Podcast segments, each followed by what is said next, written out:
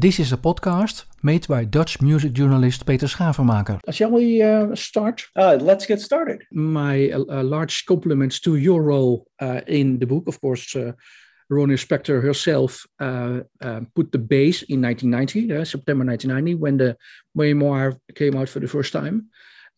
on page 319 in her acknowledgements, she calls you the storyteller who helped me bring my words to life. Uh, what kind of storyteller are you? well, I that's about that's about the way I describe myself. Um, I've worked in uh, the theater. Mm-hmm. I've uh, been a performer. I've worked on stage. I've directed. I've written. I've written play, written and directed plays. I've produced plays, mm-hmm. uh, and I've written a couple books, nonfiction books.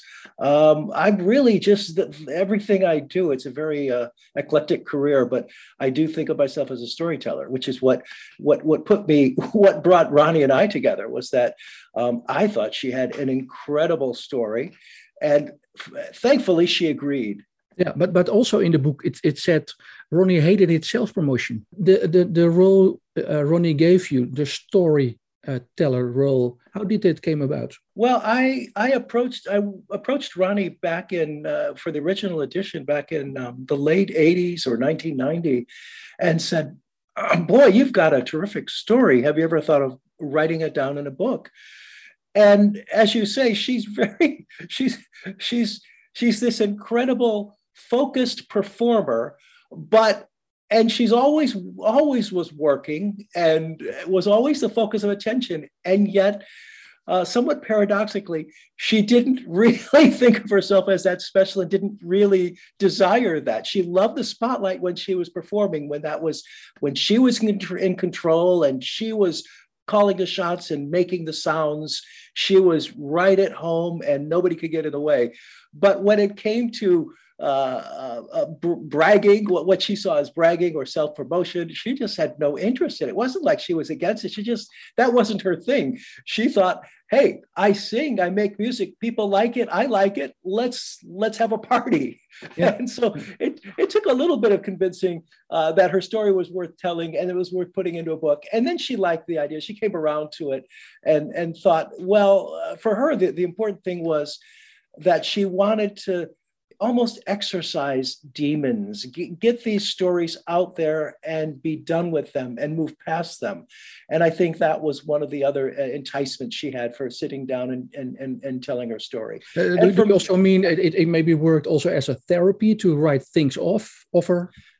I, I, don't know if she would have seen it that way, but I think that's exactly what it, what it was. To a, there were so many. She went through such trauma. I mean, she went through such highs and such lows. Mm-hmm. She also had an incredible life of highs. I always think of it as a roller coaster where you're just slowly working your way up, and and she was pushing herself to the top. Uh, she and her sister and her and her cousin in this group called the Ronettes. And when she got to the top, she just, I think she thought, this is where I'm gonna this is where I'm going to live. This is where my art is going to And then suddenly she take a careening ride to the bottom. And that that that stamped a lot of trauma in her life, a lot of difficulty that she I don't think she saw coming. And she just buckled down and lived through it, got through it and survived it. And I think being a survivor, a, a necessary part of that process is to be able to look back on it and make peace with it uh, and to tell that story and then to share it. Yeah. And I think that, that that was the important thing with this uh, revised version is when she first um, committed her story to print back in 1990, it was a very different era, and she was still not quite taken seriously. It was still a lot of her stories about the uh, the, the career and the life she had were seen as um, oh somebody you know she's an ex-wife talking about her husband ex-husband. And so they, they, they, kind of chalked it up to that. And i think times have changed to the degree that people now listen when a woman tells a story of an incredible uh, journey that she had. Yeah. uh, they now they now they now give it the, the due that it has. And so um, she and, and her publishers and her editor, Sarah Crichton and, and, Henry Holt, said, This is the time to bring Ronnie's story back and to really give it the presentation it, it deserves for today. And, and Ronnie was very much on, on board with that.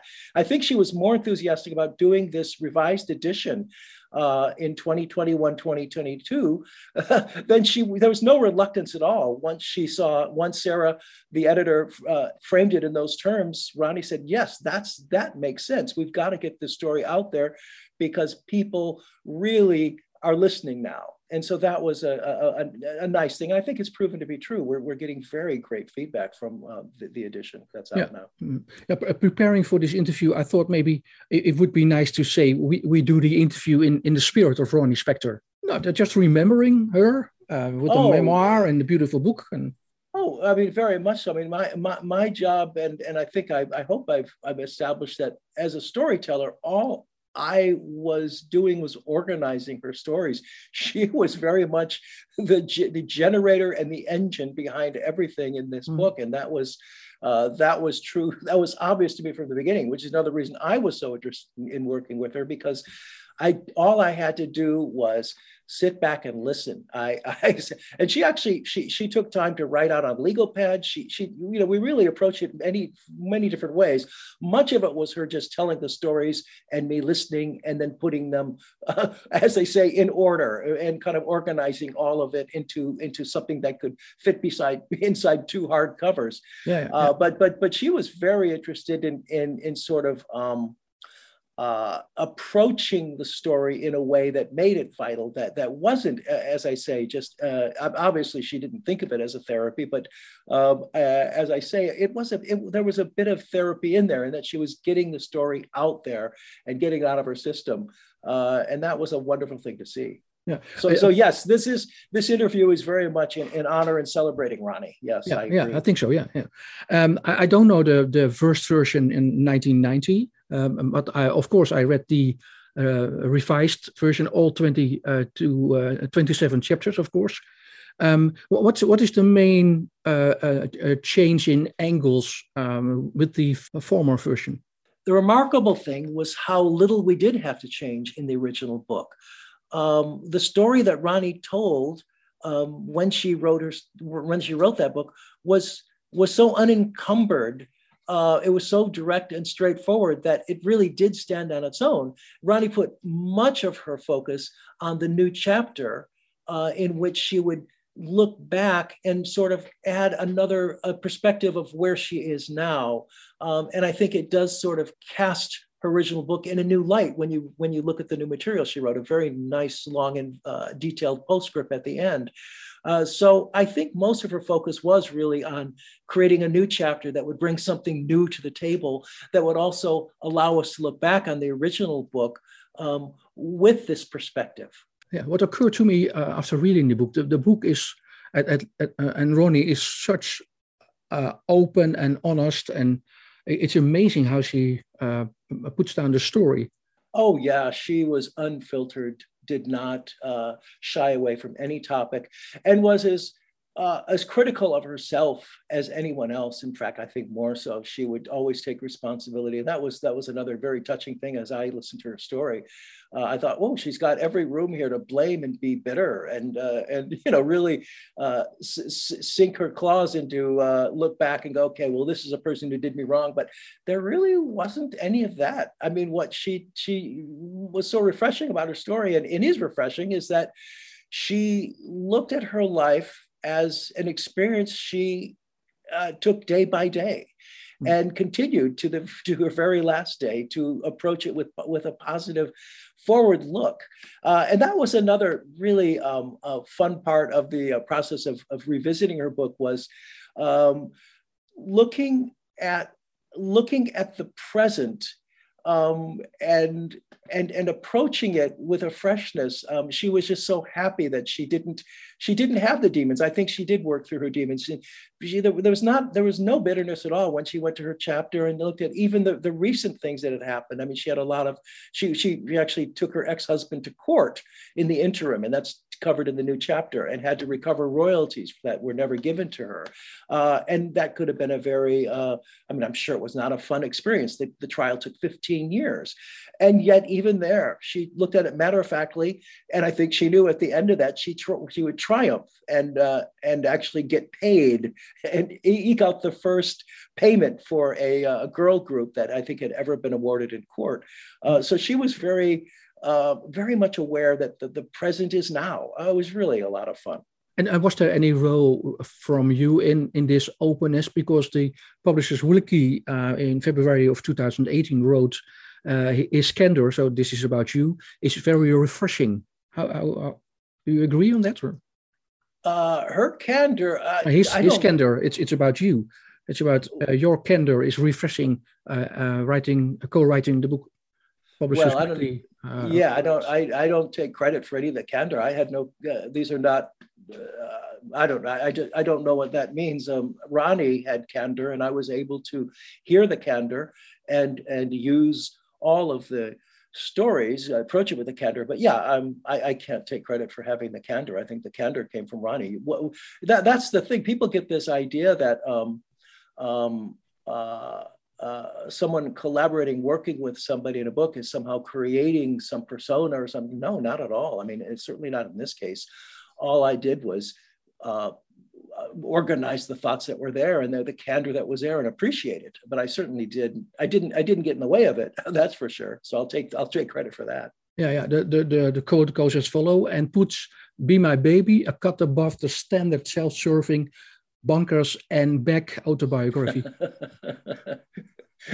yeah, I, I, well, yeah, it's not going to be a standard book if Ronnie's telling the story. So I, I, I think that's actually true. Yeah, yeah, yeah. No, no, no. There, there is a. I think what what that what that critic is talking about is uh, uh, the idea that um, uh, one, I, I don't know what a standard bonkers and back is, but I guess they're talking about this story where someone says, "Well, I went bonkers and now I'm back." And I don't think that was that was how Ronnie characterized her life or saw her life. So uh, she was it was easy enough to avoid that trope. Yeah. How did you ever look at at Ronnie in in the book as she uh, introduced herself as a a skinny yellow horse? Uh, she she was named that uh, in uh, on on the schools where where she was bullied very very much, especially on the PS one five three in in in Harlem. Um, is is it a, a, good way of of naming yourself a skinny yellow horse? It sounds kind of degrading to yourself.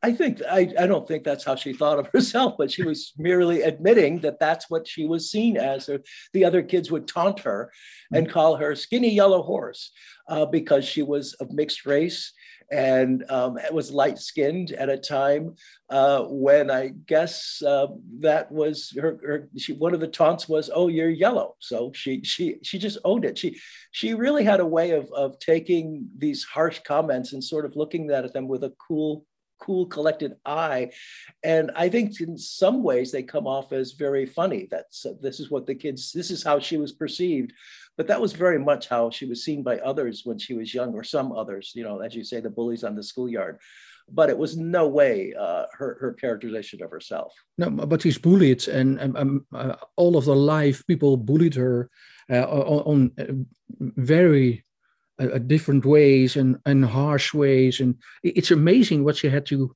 uh, accomplish all, all, her life, starting from a, a, young age at school. Yeah, she really she, but she, I think she was so focused on on on from a very early age. I mean, it's almost a cliche that. Uh, when you see a, a, biopic of a rock and roller, often they'll show the little moment where they discovered the muse or uh, the turning point in their life. And with Ronnie, that was not a cliche. She she knew she was first of all had the the, the, the great luck of being in a family of performers. I mean, eh, she had 14. Her mother had 13 brothers and sisters. So Ronnie had 13 aunts and uncles. Um, and all many of them, if not most of them, had some knack for performing, uh, dancing, uh, singing, uh, playing instruments. And they would get together as families do. Uh, this was just a larger family than normal. And um, that was their passion. And she just loved that and so at a very early age, and she writes about it in her, you know, in her book. Uh, the, the says, little, uh, the little amateur show, as she says on page eight. Yeah.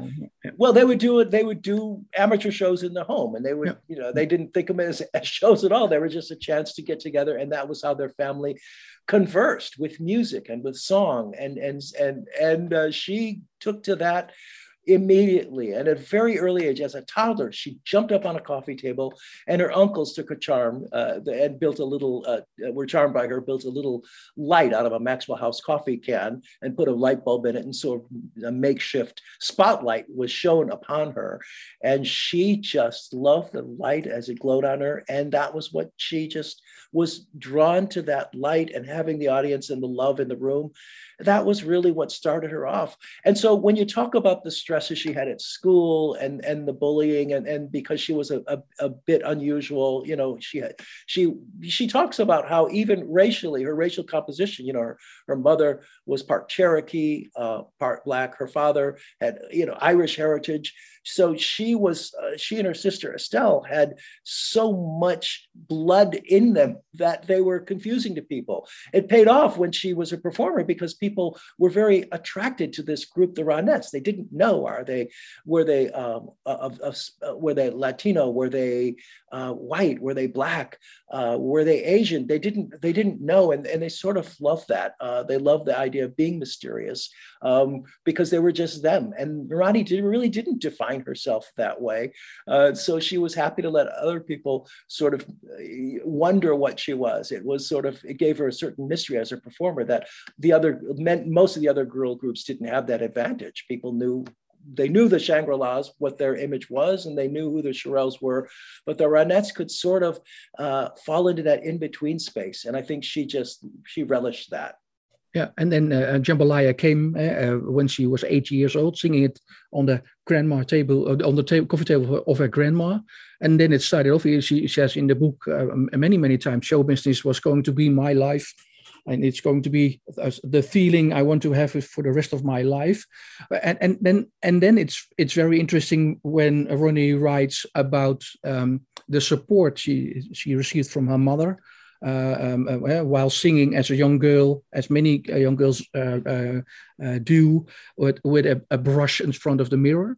But mm-hmm. the, the interesting quote is on page 25 At 15, I knew it was just another uh, um, moment of time before my singing career took off, my mother began uh, to agree that my singing career uh, was was going to be something more than just a childish dream.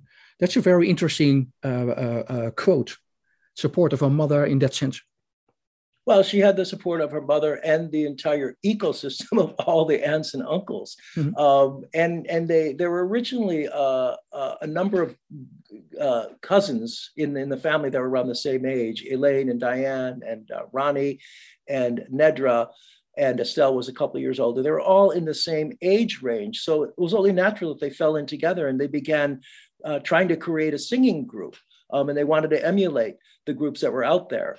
Um, and so that was one of their goals was, oh, let's create a group. And, and well, we've got all these built-in members here in our family and so they when they went on stage um, uh, and so they, they, they began singing together and of course they had support at, first just the charm uh, that they charmed their their aunts and their, their mother in, in ronnie's case um, and so there was support but the, the family was also very uh, protective of her and they didn't they didn't really like uh, the idea of, of her and her sister and her cousin nedra going out into the into the big bad world of rock and roll. So there was a there was a a, a hesitance at the same time, mm-hmm. and I think Ronnie won her mother over. And the moment you're talking about is when the mother finally realized these kids are not goofing around here. They really want this.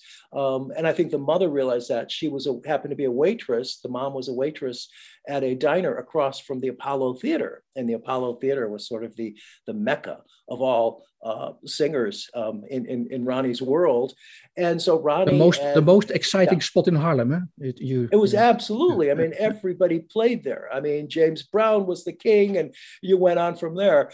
And so she convinced her mother to to wile her ways with the uh, the owner of the uh, the Apollo would come in and have sandwiches and, and flirt with Ronnie's mom, Bibi. And so Ronnie said, "Well, if he's flirting with you, let's take advantage of it. Get us a spot on the amateur night at of the Apollo." And, and so with with some amusement, um, the owner of the Apollo uh, acceded to that request and put the Ronettes on. And when the Ronettes first went up, it was a larger group because they thought, oh, we need the whole family here. So they had their cousin Ira because they they they thought they needed a male lead singer. Uh, their cousin Ira didn't necessarily have the uh, the interest in joining them, but they kind of roped him in. And he was standing off stage in the wings and he saw how tough that audience was. Because amateur night, if you did not do well, the audience would let you know. And they, there was rumors that they'd throw things, including shoes at you.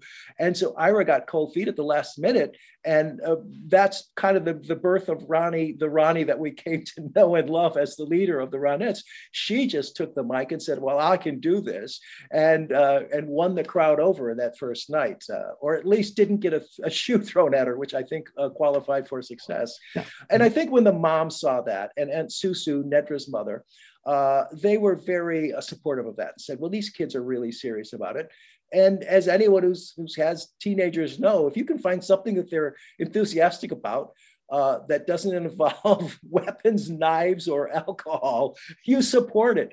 Um, and the girls were very interested in something that they loved, and they thought, okay, let's let's just they're going to do this anyway, um, and let's just help them. And so from that point on, the the, the uh, uh, uh Ronnie had great support from her mother and her aunts. Yeah, and she had that support from her mom uh, all through her life. Even when she tried to fled the house uh, uh, after I wanted to get divorced from uh, from Phil. Um, but but this is this is a kind of a different uh, support uh, than other girls who are in front of the mirror with a, a wooden steering spoon. do you agree, or this is a more a broader and a more stronger support than just a regular uh, uh, girls who want to sing and maybe want well, to make it to the entertainment world?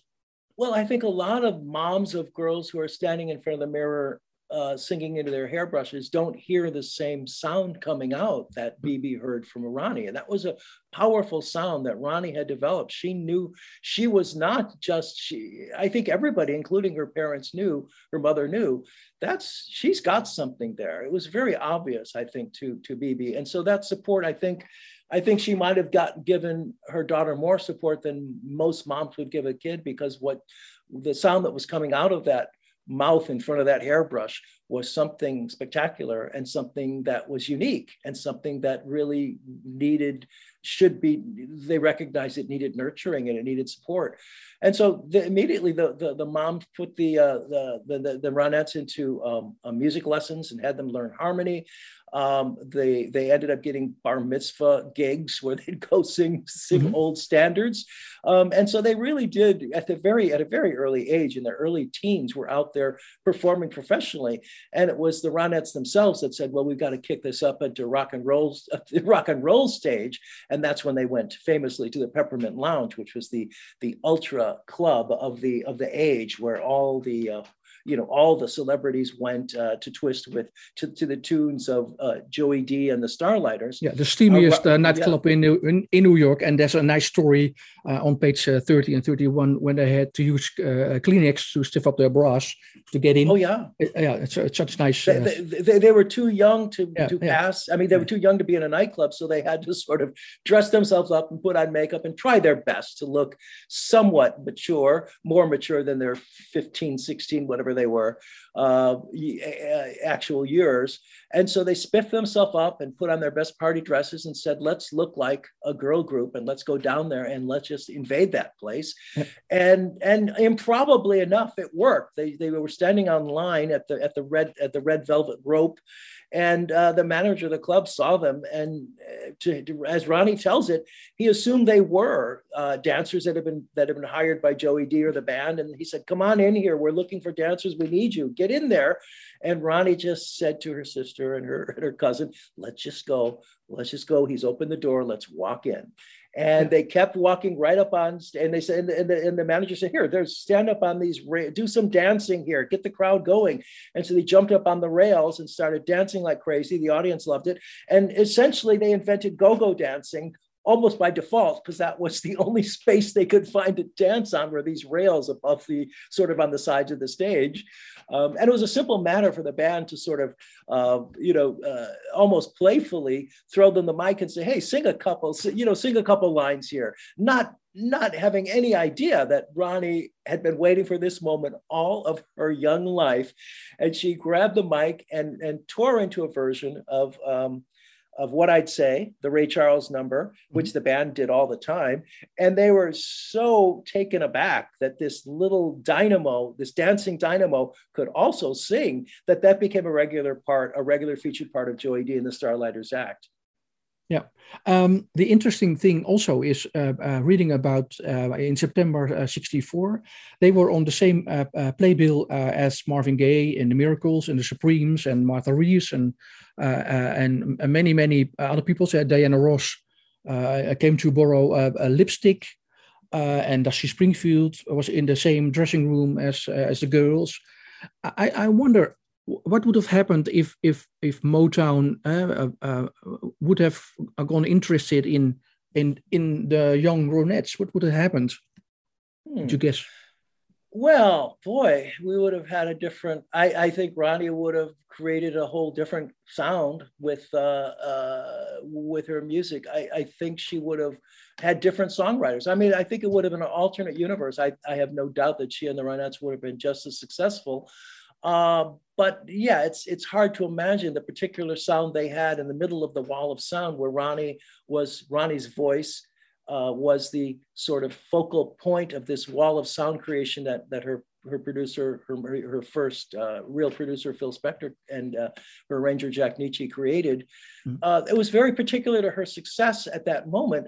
So that's a it's just it's like an alternate universe to imagine what might have happened if she were instead with uh, the band at the, the, the Motown band and having that that wonderful bass drive behind him. It would have been a different thing entirely. But um, I have no doubt that Ronnie would have found a way to make her sound an important part of that mix as well. Yeah, but it's incredible how she survived eh? because she says also we weren't uh, really one of the uh, of them. Eh? The, the stars, uh, all of the others had at least one hit record. Um, it, it, it, must have been a, a, a, a kind of maybe a difficult version. She was so young, and all these uh, uh, huge names. Uh, it, it's a very interesting subject uh, in the book. How she survived, yeah. how she survived on her on her own with her own strength. I mean, also. Well, yeah, they had. Uh, she was very aware that she had. They had no hits. All the other acts, she did this show um, very uh, with the Murray the K, who was the big DJ mm-hmm. in New York at the time. Used to bring in all the hit acts with hit records to do these these great revue shows where they'd all do one or two numbers, and you'd see you you if you were a kid, it was the greatest deal in town for a couple dollars or a dollar and a half. You could see a movie and then a show afterwards with six or seven or eight live acts uh, of, of national prominence. And Murray the K recognized Ronnie and the Ronettes immediately as just an asset to the show, even though they had no hits at the time. They were just so full of life and they danced so well, they looked so cute. Uh, and they were and they were they were game for his um, for his comedy. He would do little bits with them um, and do physical shtick with them, and so they became sort of the the the, the, running um, um second bananas to him. Uh, and Ronnie wasn't happy being in a second banana role and being sort of the cute little dancing girl. Uh, before long, Ronnie Murray the K would even put them on the radio, so they'd be on the radio every night or or, or so, a few nights a week, talking and, and, and riffing with with Murray. Uh, but she knew that really wasn't, that was just a sideline. That was just a way to keep in the game. But as you say, it was enough to keep her in the shows with all these wonderful people, with the Stevie Wonders and the Diana Ross and the Shirelles and, uh, and, and, the Imperials. I mean, she was with all the people uh, that she needed to be with, but she was at the same time yearning to be equal with them. And that was why they, they really did pursue with a, with a dogged uh, insistence a producer that could really bring them to the fore. Yeah, but they, did. They, they, they, did find a producer uh, originally, and they had a few recorded uh, records, uh, singles, but nothing caught on. So before they got uh, found their fame with "Be My Baby," they had a whole album's worth of songs, probably uh, 12, 13, 14 songs they'd recorded. It's just that nothing was catching, and that was very frustrating to her because they actually had records out there that you could find if you looked but nobody was playing them on the radio. So it was just a real frustration to her until she finally did hit. And when she hit, she hit massively. Yeah, and, and she first uh, she was at, at, at, very small record companies, and then uh, but did didn't all work. But but but what I mean is her strength um, in in that large engagement of of superstars. It said something about Ronnie also. Yeah, yeah, that she that, that she fit right. I mean, she was also very young, uh, younger than most of them or many of them. Uh, but she didn't really, she saw herself as a star. So it didn't really um, occur to her that she was, she was somehow uh, unworthy of being in their presence, even though she was not yet a star. And she knew the only piece missing from this picture is a hit record to give me some uh, credibility. And that was her determined goal. I mean, I think she would have been happy just recording uh, to continue to record, but she knew that if the record wasn't played on radio, it almost didn't exist. It was almost invisible. Mm-hmm. And so she was determined. Uh, she and Estelle and Nedra were determined to find a way to get a record into the into, onto the uh, turntables of the radio stations, and that's uh, they did that by approaching Phil Spector, who was the biggest deal in the in you know one of the one of the most prominent producers of teenage records, um, and they just said, "Hey, we'd like to work with you." That's a great story. A great story on page 44. We don't have to give away too much about the book, but it's a story. No. Estelle just phoned him uh, uh, and said, oh, "I'm going to go. I'm going to uh, phone Phil Spector," and uh, it's a very nice story. she phones him up in, in in his office in New York. So yeah. Yeah, you, you, you could you could do that back then. I mean, it seems incredible now, but you could. people were in yeah, the people were in the phone book in those days too. I mean, it was really a, a different time yeah uh, it's really different time. And then she said i already knew i liked him the first day um, uh, when when she met uh, uh phil spector. It was live on first sight uh, uh, and also of course it's it's difficult to read phil only liked ronnie and and estelle and, and, and Nedra was just were just background singers it's it's also good to read uh, how that happened in those uh, in those days. Maybe many people don't know uh, about that. Well, it was a lot of producers really did try to find the, the lead singer or the, the, the, the Diana Ross of the group. Um, and for Phil, Ronnie was uh, head and shoulders above. He just saw the, her, her sister and her cousin and the other Ronettes as background singers, and he didn't really value them. And when he went to um, uh, went to the girls and said, "Well, I'd like to set up some recordings with you," they said, "Well, talk to our mom." You know, and they had to talk to. He went and had to talk to Ronnie's mom and said, "Well, I want to." And he initially he was he was very candid about. It. He said, "I want to bring Ronnie onto records. I want to bring her into a contract." Yeah, yeah. He and came home with uh, uh, flowers and a, a, a big uh, uh champagne yeah. bottle. So, yeah, yeah, right, right. He he he tried to court Bibi and thought she was naive and said, "Oh, great, I'll just sign my daughter up and we'll be fine." And she was she was as you talked about the support that she gave in many ways throughout the career. It really came to the forefront immediately, and she said, "Nope, nope, nope. The Ronettes." Are a group. If you want one, you get them all. Yeah. And if you want them all, you get them all. And so that's uh, that was the insistence that she said. They're a family group. You don't separate them. You don't break them off. And do you think? Do you think that, that? Do you think that attitude of her mom protected Ronnie in a in a in a way in the beginning, or? Uh, towards the, the the the role of uh, Spector had uh, from from the moment on his obsession uh, to to towards her and uh, uh, did, was are you saying was was was Ronnie's mother Bibi able to protect her from the the sort of focus and obsessions that Phil had? Yeah, in the uh, beginning, in the beginning, yeah. So so she slowed it down a little bit. So. Oh, I think so. I think she made it really clear that Ronnie was a part of a family and had a whole structure of support around her uh, that would make sure she wasn't uh, exploited and abused the way a lot of young performers were. Um, and there was, yeah, I'd, I'd, say that was that was very effective. I think Phil knew he had to make a uh, a real effort to work on the terms that Ronnie and her family insisted on, and I think he he did accede to that because he he he had to. He really wanted Ronnie's voice in his wall of sound, and the Ronettes were certainly uh, a, a, a, force to be reckoned with on stage, and he saw that, and they had. So they, as a group, I, I, don't think it was a disadvantage to him to take them on as a group. I think it was. Uh, I think where it protected them was that had Phil taken Ronnie as an independent artist, uh, an individual, he might have had, it might have been a little easier for him to manipulate her the way he did with Darlene Love. I mean, Darlene Love was another uh, mm-hmm. uh, uh, powerful singer in his in his stable of artists, and yet he thought nothing of of putting Ronnie, uh, Darlene's voice on another artist's record and and and naming you know calling it a Crystals record or uh, putting her in with Bob B. Soxx and the Blue Jeans. He just used Darlene as a utility player, uh, sometimes recording her under her own name, sometimes not. And I think Ronnie might have. Uh, he might have had that same fate in mind for Ronnie to just use her as another utility singer and, and feature her in the in the forefront uh, but it became very clear that that was not going to happen, and she wasn't going to allow that. She didn't see herself, uh, she saw herself as part of a group of this family. Again, they were family. I think that's what made it so hard for Phil to break them up, is they had grown up together. They had ties that went beyond um, professional loyalty. They yeah, maybe, maybe a miscalculation by him. You could. Uh, uh, do you think a mother saw Phil as a, a, a wolf in sheep's clothing at the beginning, or? No, I, I, think she was very impressed by him. He had a sense of humor, and remember too. I re- um, remember at, at, at, her at her husband eh, also. Uh, you write it's in the book. Yeah, yeah. She yeah, yeah, he yeah, reminded her of her husband, uh, uh, at that time ex-husband because they had split up.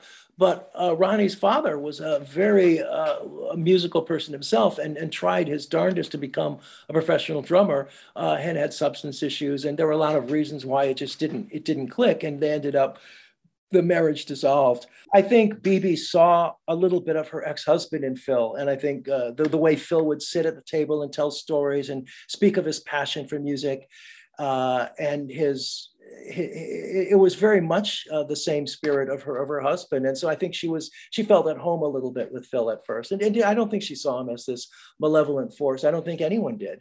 He was a very you know you have to remember that back then uh, people wonder well how could Ronnie have been so uh, crazy to get involved with this awful malevolent person? Well, that's not how that's not how she saw him, and that's not how he presented himself, and that's for for all he was a very very charismatic person. He had he had a charm. He had he, and he certainly poured on the charm, and he could, as any professional in his position, knew how to be a salesperson.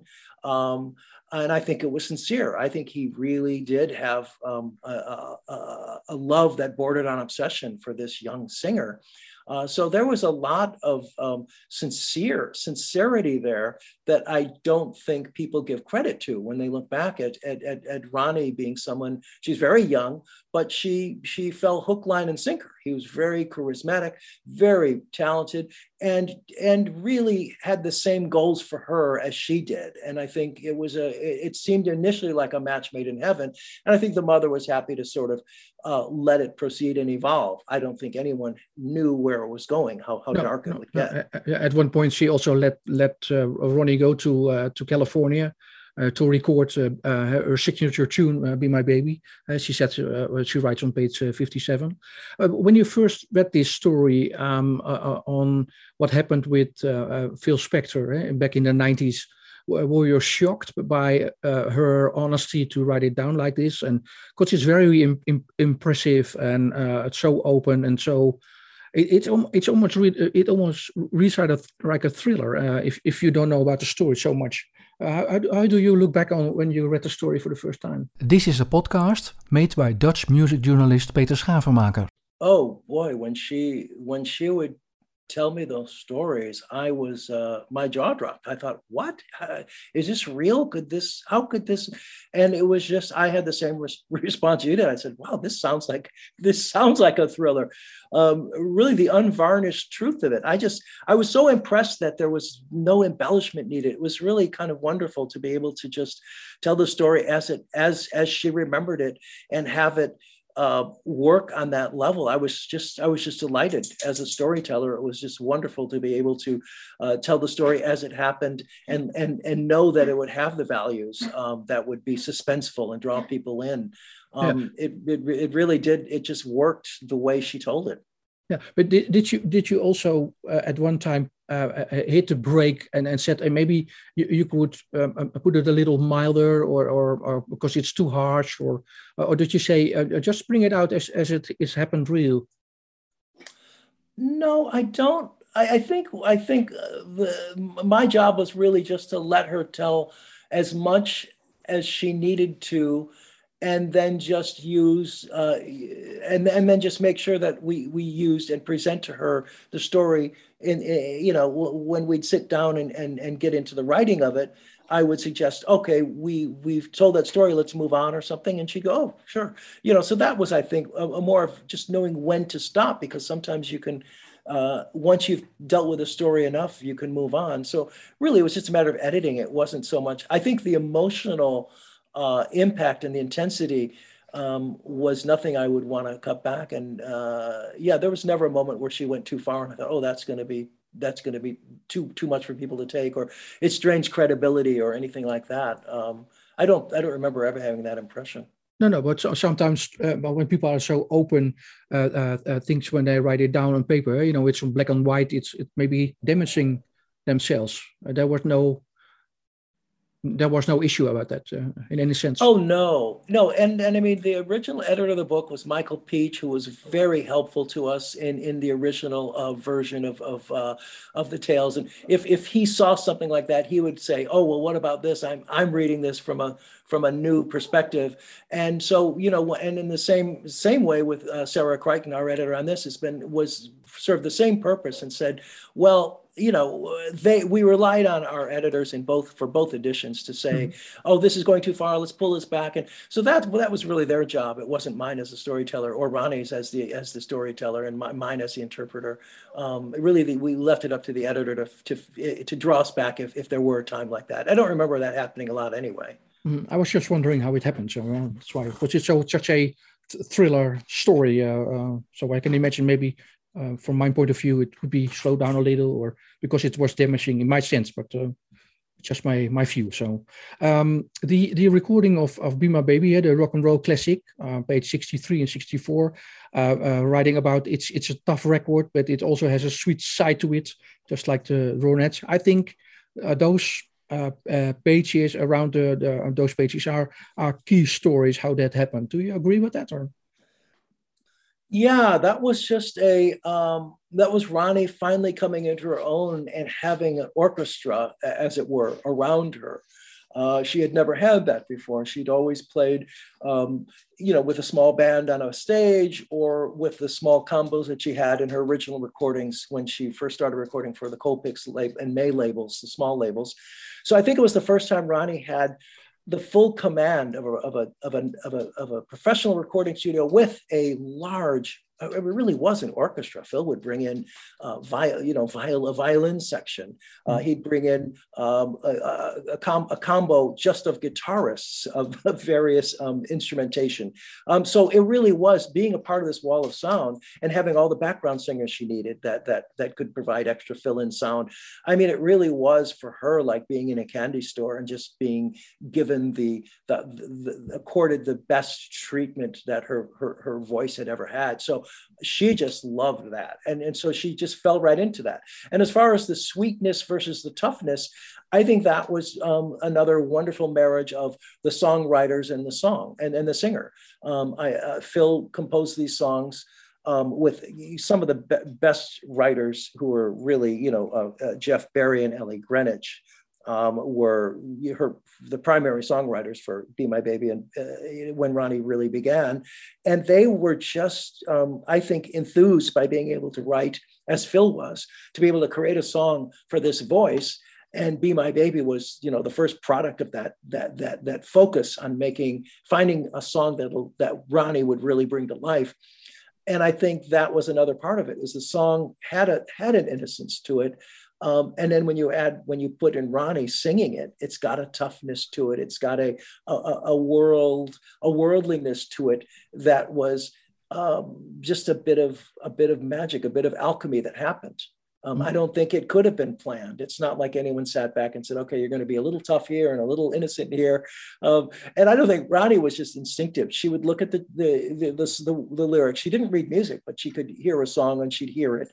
And then she'd look at the lyrics and she'd just sort of channel them through the emotion and they become her. That was her emotion and her. She would really put her entire self in, and she talks about that in her new chapter, where yeah. she would just sit there and really um, wouldn't didn't need to listen to anybody, didn't want to listen to anybody. All the arrangers, oh, they'd all did they'd all done their job. Once the mics were turned on and she was in front of the mic, that was her. That was her chance to be the auteur. That was her chance to bring her artistry, and she took that very seriously and never wavered in all of her recordings. Yeah, that's why she writes on uh, page uh, three fourteen. She she gave birth to that uh, to the songs. Eh? She she did yeah i think i think she really does recognize and that's one of the nice things about um, i think one of the reasons why she did survive is she always saw herself as a uh, a collaborator but a very strong collaborator someone who was giving something of value to these records. Mm-hmm. she never thought it was just another session. She never thought oh this was just a job. Every song she did was going to be a hit she didn't record songs that were going to be uh, you know b-sides or or extras she she approached every song as oh this is going to be my next hit and um, and many of them many of them were or could have been had they been released as singles. I think maybe every song she she she recorded after uh, uh, "Be My Baby" she recorded with the same energy and and, and heavily feeling as as maybe uh, uh, uh "Be My Baby" wanted to have a new uh, "Be My Baby" with the same drive and energy. I think.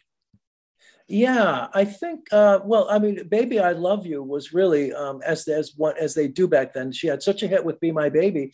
I think "Baby I Love You" was seen as a mm-hmm. follow up hit. It had a lot of the had a lot of the same emotion and a lot of the same spirit, but was a very different song. And, and some people even prefer that to be my baby. I mean, they sort of work as bookends, I think.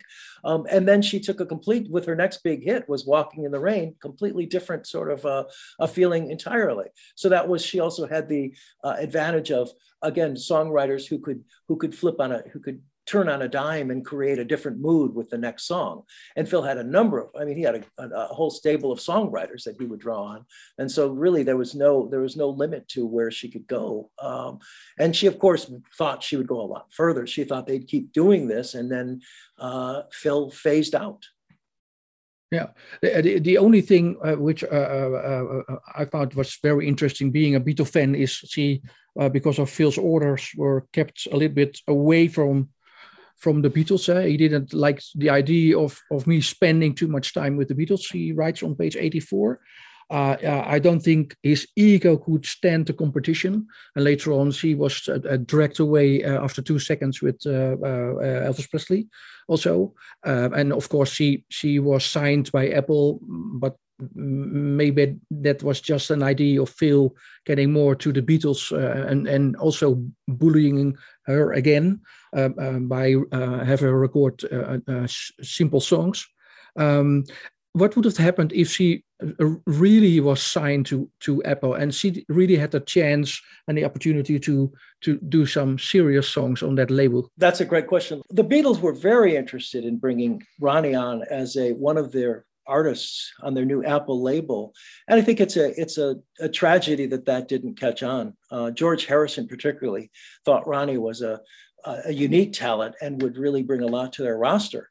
But at, at that point in her career, Phil was just at at at loose ends, and and he was he was the producer. He was the one that was going to put the music on record, and he was just not really committed to doing it. They they ended up doing one single with uh, two songs, and that was released as a single. And it wasn't even a song that Ronnie uh, particularly had an affinity with. It was called "Try Some Buy Some."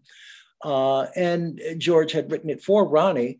Uh, but even that one single they did, Ronnie felt like it wasn't quite really right for her, but she did it and gave it her all, um, but never quite warmed to it. Um, ironically, uh, that opinion wasn't shared by others. David Bowie loved the song enough that he re-recorded it some years later. Uh, so she wasn't. She might have been wrong about that. Who knows? Other people like it. I, I find it a, a, nice song myself. But but but the the Apple had very much. Um, the Beatles had very much in mind to do an entire album with Ronnie and sort of get her into the next phase. They even named her Ronnie Spector.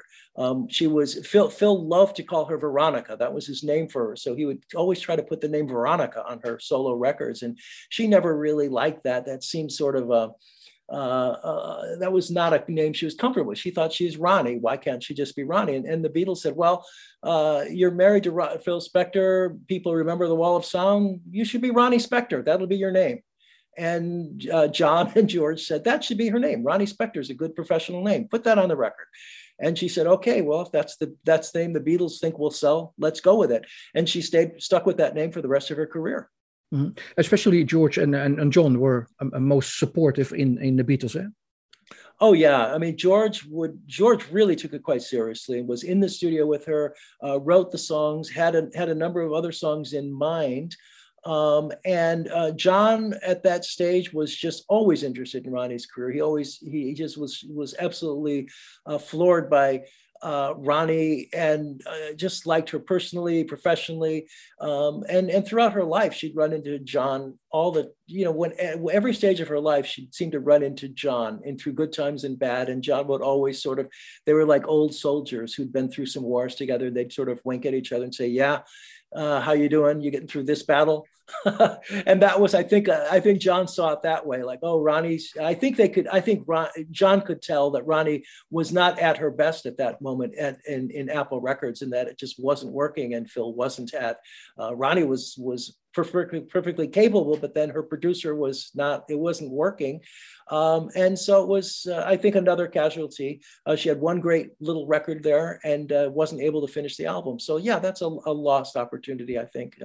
Yeah, uh, I don't. I, I, I, don't think she worried about it a lot in later years. She barely remembered that she recorded, uh, was working on an album there. But um, I think I, I, as as someone who really loves the Beatles and loves uh, uh, is someone who appreciates what they were doing with Apple Records, um, I think she she very much could have been um, uh, another success story. Yeah, yeah. But, but, but, then, but then when you think about it, they also had James Taylor, and they did exactly one record with James Taylor, and then he went over to Warner Brothers to find his fame. So who knows? Maybe, maybe, maybe that wouldn't wouldn't have been anything anyway. Wouldn't have amounted to anything anyway. We, will never know. Mm. But but reading it, I, I don't think she she ever uh, uh, looked back at this uh, as maybe the, the the, the things she lost and uh, and she cared for the most. She she did wasn't able uh, because of, of Phil's temper to go to to Apple and and work with the Beatles. Maybe she she just thought, okay, I have to deal with this uh, uh, also. I think it was a tough time for her because by that time she'd already been uh, married to Phil for a few years and had all but given up uh, her career. She thought, I'm just going to be a wife and a mother. And she was dedicated to that, thought that was where her, that's where she'd find her success because um, Phil had really um, uh, beaten her down psychologically and, and, and given her, uh, she had accepted this image that she was washed up. I mean, Phil wasn't recording her. She sort of uh, took all of that in, and that's one of the great tragedies of her life. That that she does regret. She actually looks back, and um, she's able to look back when she um, look back on her life and say, boy, I, really, I, sh- I lost some good years there. Uh, and they were really creative years. And uh, yeah, I, I think she never really reconciled that she lost some good years there, but she knew that, um, you know, that that was eh, at the time it was happening. She was really in a, in a, in a dark place. She was in, in this marriage and trapped in this marriage and um, didn't really see a way out until she finally did. Yeah. Do you think she lost her second best musical uh, opportunity, um, not working, not be able to work with uh, Apple Records, or? Uh, yeah, I don't know. Uh, we, we we can never know what the album would have been like, um, so it's just hard to imagine. Um, I mean, she's had a lot of opportunities. She ended up working uh, she had another career uh, revival when she worked with Bruce Springsteen's band a couple years later, uh, mm-hmm. very successfully. So there were, I think for her, it was just another chapter. I don't think she saw that as that was the tributary toward her second flash in a career. I think she sees that, um, and I think I agree, that was just another chapter, another stepping stone in the career that she built. Um, and so she was able to go to Apple Records and, and experience that um, and she gave it her all. Um, and then late, just as when she worked with Bruce Springsteen and his band, that was a wonderful opportunity. She gave it her all and um, created something of, of lasting value and then moved on. Yeah. So I, I, I, don't think she would have seen that as a, uh, a lost opportunity. No. Do you do you see uh, parallels uh, between her friendship uh, in many ways with uh, uh, Lennon and, and and Harrison and with Keith? um, because uh, Keith also writes the introduction uh, in in the book. although he says we had almost nothing in, in common, but uh, Ronnie helped her uh, to get uh, uh, the, the, Stones introduced to James Brown, um, being a kind of small teenagers. looking back up on, on on James Brown, is, is there a is there a parallel in in in the connection between uh, Ronnie and, uh, and, and John and and George and with uh, Keith? This is a podcast made by Dutch music journalist Peter Schavenmaker. I think with Keith Richards was particularly special because Ronnie was able to collaborate with him on a way that she never had the opportunity um, uh, later in life when she was really on her own um, and as a mature artist and could really sit down and spend time uh, developing material. She was able to do that with Keith later in life um, and just have fun and look back on a life of friendship and, and create music. I think uh, that's, being, being that's, almost being almost neighbors in Connecticut. You mean also? Eh? Yeah, with Keith Richards was was turned out to be her neighbor in later life, mm-hmm. um, in in in her in, in in the recent years in Connecticut, and so that was something that I think um, um, gave that a, a little extra uh, resonance. Uh, but yes, I think you're right. The one thing she had in common with with uh, George uh, Harrison, John Lennon, and Keith Richards is that they were all, uh, uh, and and she herself, they were all big stars in the music industry, but what they were to each other was peers, people who respected each other's music and sound and really shared a love of the same artists. I mean, they uh, all of the British invasion artists that we're talking about, uh, the members of the Beatles, the members of the Rolling Stones, loved American rhythm and blues music of the 1950s. They loved all the doo-wop sounds. They loved all the music that Ronnie grew up listening to, and that inspired Ronnie to join to, to, to get into music. So I think they had, as Keith says, Keith Richards was nice enough to write um, an introduction for this edition of the book. And it was so thrilling because um, he talks about how uh, with Ronnie uh, and, and him, it was the music that brought them together. I mean, he calls himself a, a guitarist you know, for uh, just a, just another guitarist on the road. Yeah, yeah and yeah. here's this superstar singer uh, from America, but he's you know he he really did immediately have a connection with the music, and they all they had the music in common, and also a great sense of humor. I mean, he noticed that if you were on a tour bus with Ronnie, everything would be fun because she just had a way of making time pass with great, you know, her positivity and her humor would would would would be something that made his a dreary uh, experience like being on the road and going on tour and being in the bus from hours and hours between cities a fun experience. So I think uh, I think John and George and uh, and Keith Richards and anyone in the music industry recognize that Ronnie was a fellow player who also um, uh, loved just loved the spirit of what they were doing. So I think that's that really was the music that they all had in common. Yeah, I, I think uh, uh, uh Ronnie helped both Beatles and, and Stones with a career in in, in the US. Maybe can you say that or?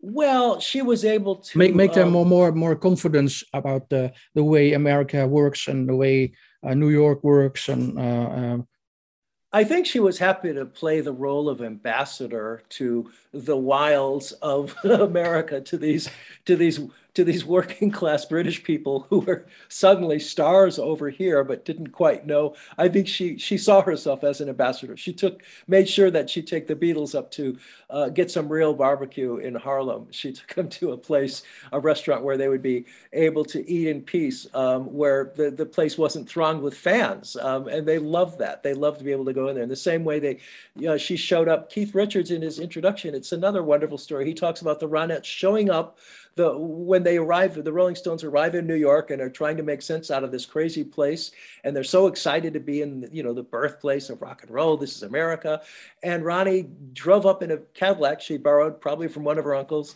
and said, "Let's go. We're going on a tour of New York." And she took them, took the Stones around, as you say. She took them to the Apollo. She introduced them to James Brown. It was a, it was just a wonderful role she played. And I think in the same way, when she was in England, starting out, one of her first big international tours was in England, and the Rolling Stones were on the same bill. They were her uh, opening act, and I think they sort of took her under under their wing and sort of made sure they were ambassadors to England and to the English music scene and as did the Beatles when they first when the Ronettes first showed up in London. The Beatles were were uh, sure to invite them to a party and, and and made them feel at home. So I think Ronnie was just returning the favor and saying, "Well, you welcome to my country. This is what we've got here." Yeah, what would have happened if, if the Stones and Beatles were able to do more with uh, Ronnie's talent uh, on, uh, on record wise? So who knows? that, who knows? That would have been. Uh, I, I, I, as I say, it's just it's just a wonderful thing that uh, it all works out. These things work out the way they need to work out. And in the end, when Ronnie did sit down with Keith and create records, they were both mature artists and had they were able to just have a. She talks about. I think both Keith and Ronnie talked about when they would um, collaborate um, in the last you know few years 10 15 20 years they would um, just sit down and sing songs bring songs and say oh what about this what about this and then they'd hit on a song they like and they'd record it. Um, Keith actually wrote a song, a love affair, that he was he had Ronnie in mind and uh, was recording it.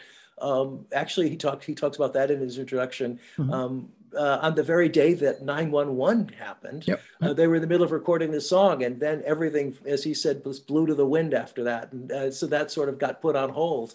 And uh, he said he still has the tapes, and maybe he'll try to work on that some more. But that's what's one of the uh, songs that they'd worked on.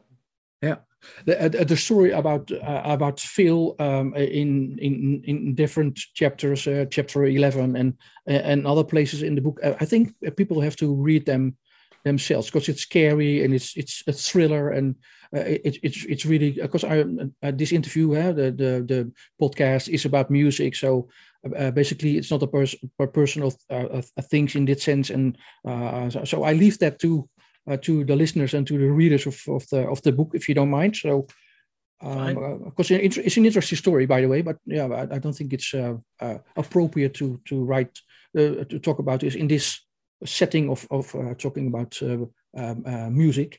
Um, you earlier said also Bruce Springsteen in the Easter Band, mainly because Steve Van Zandt was a new savior, put her on a new musical track, and also Eddie uh, Money, of course, with Take Her Home Tonight uh, um, in '87.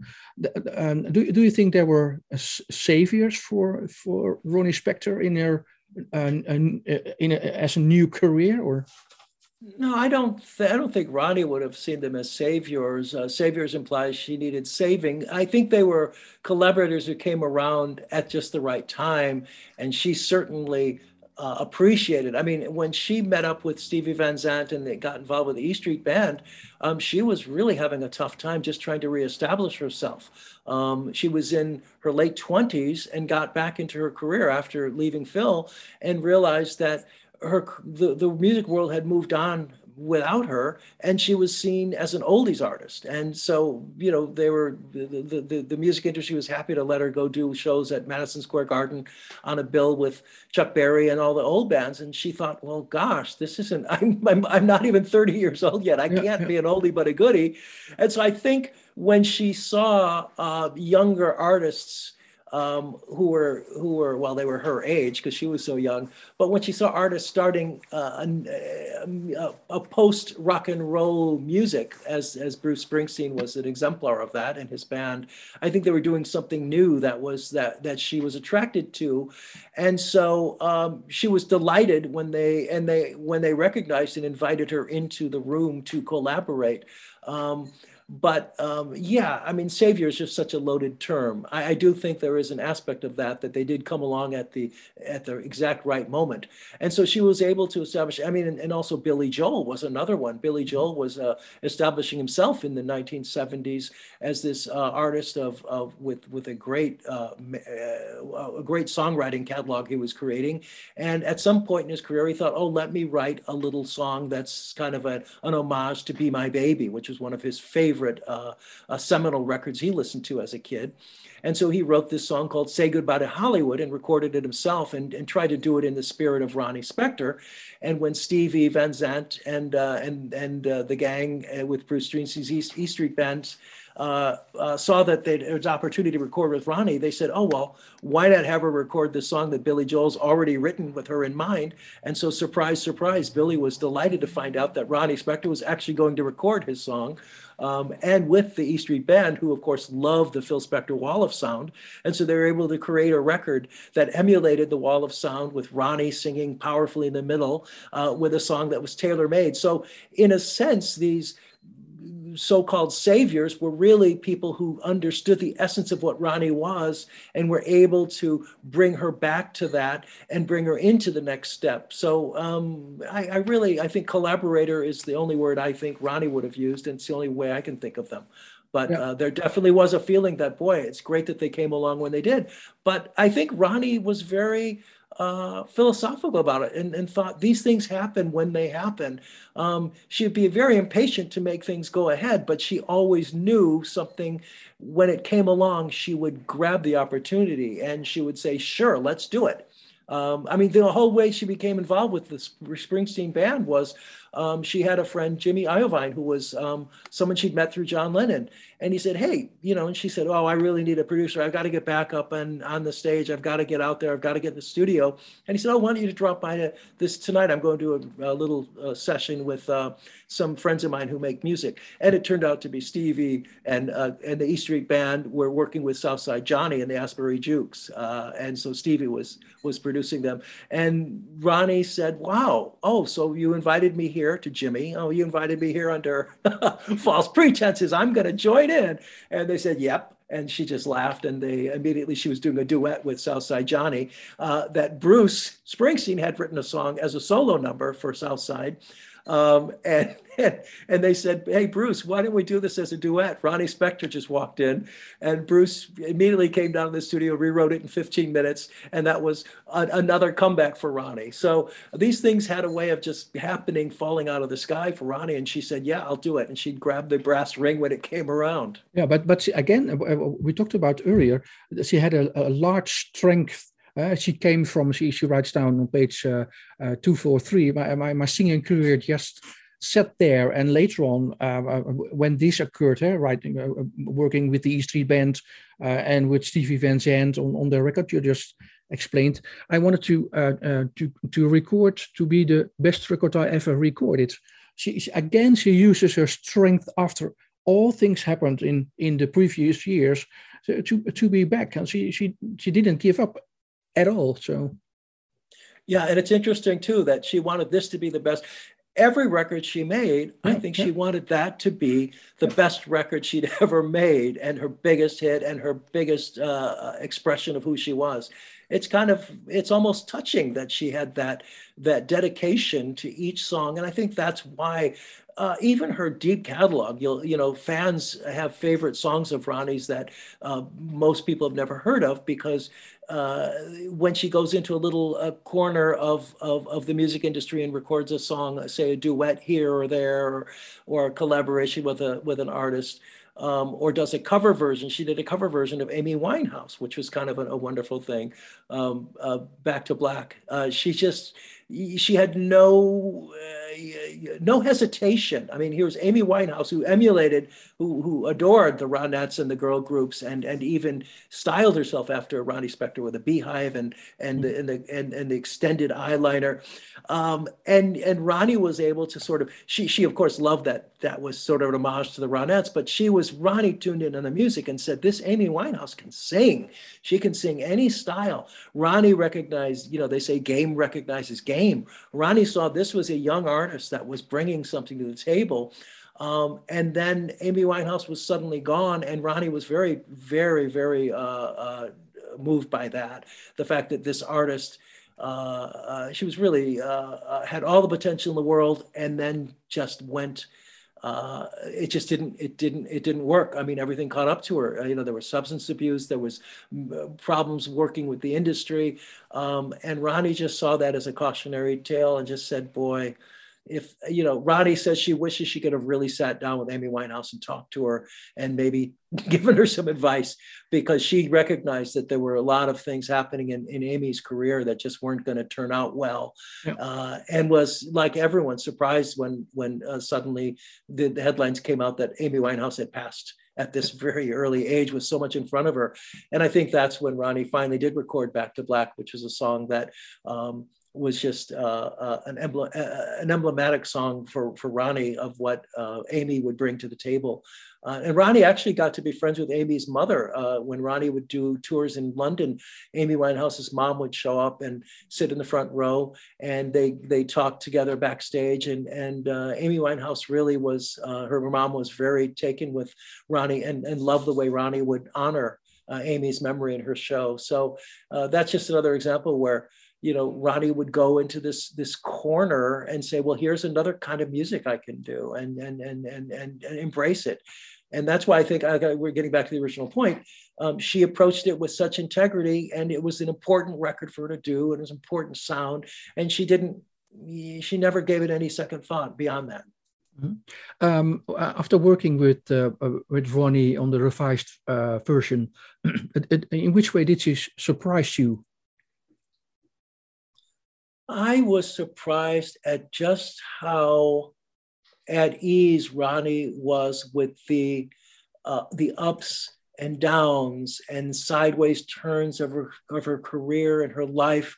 Uh, it really uh, the difference between uh, working with her this this this go round and the original time um, was that Ronnie was very at peace uh, and didn't have any bitterness. Um, not that she had at the beginning, but you know, she was still working through these stories when she originally told them. And now, when she looked back on her life in the last year, uh, which turned out to be the last year of her life, mm-hmm. uh, it was uh, it was very inspiring to me because um, she would speak of her, speak of her life with such a uh, an ease and such a, um, a, a, positive. Everything was positive. We, I, I'd, I'd, I'd ask her about something uh, that must have been very difficult, or you know, say like in her recent years when in, in the '90s when she was fighting to get her royalties back in the '80s and '90s, uh, that must have been quite an ordeal. And she just spoke of, of it with uh, with with the, the the peace of someone who'd survived it and triumph. I mean, I really think at the end of her life, she'd achieved what she'd been trying to do uh, all those years, and that is surround herself with a family that was just as loving and just as supportive as her original family, and to be able to make the music she wanted to make whenever she wanted to do it. Um, and and that's something she was able. She got to that place, and I think it was very um, inspiring to me to hear uh, that the struggle she'd gone through um, and and the work she'd done to listen to herself. I mean, she her own when when she talked about writing the book, she said that was a chance for me to really see my story and really and really hear my story myself. I thought that's interesting. She she sees her she's telling the story to the world, but in some sense she's telling it to herself yeah. and uh, that inspired me as well. And i think that's why the, i think that's why the story is compelling and why it's not filled with bitterness and and why it's not as you say as the critic said it's not bunkers and back. Because ronnie never saw herself as a as a as a as a cliche or as a as a traditional uh, she didn't see her life as following any um, pattern. She saw her life as as a journey a unique journey. And i think in assessing that journey um, she came she came to peace with it and yeah. so when when she passed away i was so happy that she'd finished her book really weeks just a few weeks before she turned in the last um, changes and made the last corrections and said okay this is we have to say it this way this way.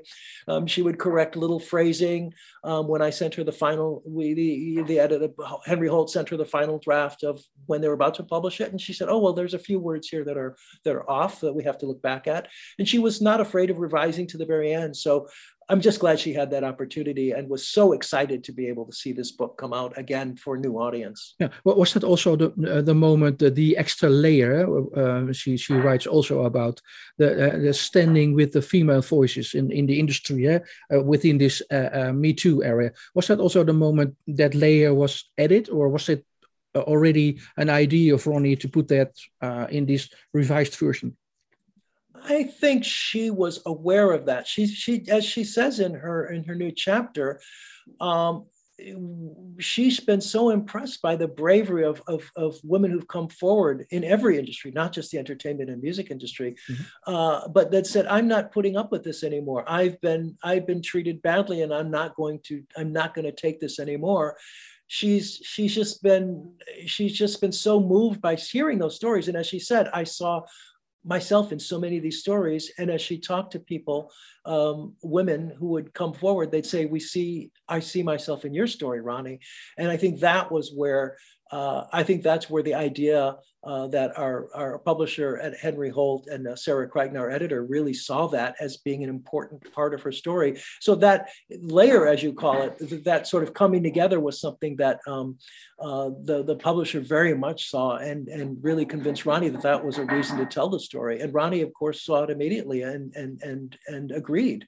So yeah. I think that was a natural emerging of something she'd been she'd been noticing and recognizing. I think it's in the book, uh, the original story. It was there very much so, but I think she really was able to see it uh, in the context. And in, again, in the new material she wrote for this edition, is very much informed by uh, the the movement that has grown, only grown in the years since she wrote her original book yeah. uh, for self empowerment and, and self and standing up for oneself yeah. Do, do you think it's a, it's a misuse? I, I I I call it a layer extra in the book about this, or um, I th- I think what happened, I I when Ronnie approached the new material she would write for this book and to bring us up to date on her life, I think she was very much aware of this of the layer and the perspective she could give her original story, the original chapters, um, by talking about it in light of of where we are now, where women are, are no longer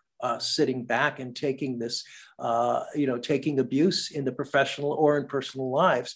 And I don't think we were, as a culture, we were there when she wrote the original edition. And I think she would, she really um, loved the idea of being able to look back and write new material, and and again, sort of address. I think she addressed head on that that's where we were and how delighted she was to see that. Mm-hmm. Um, so yeah, I guess you could say that's a layer she added in her new material. So I think she does. I think it's not so much a layer she added as much as something she's able to synthesize and and really state uh, clearly in the new material. Uh, uh, what's the legacy of uh, the ultimate rock and roll goddess, as uh, Rolling Stone magazine um, uh, named her in March this year? Well, I think the legacy is her music, which is timeless uh, all those songs she recorded, the full the full breadth of her catalog, uh, and all of the, the the the, little the little sidelines that she took. I think her her catalog of music is as impressive as any uh, artist uh, of the of the 20th century, moving into the 21st century. Mm-hmm. But I also think her legacy as someone who survived every a catalog of everything you could survive and still had a great attitude at the end. I think that's a that's a legacy that that that I think will make people interested in her story for years to come.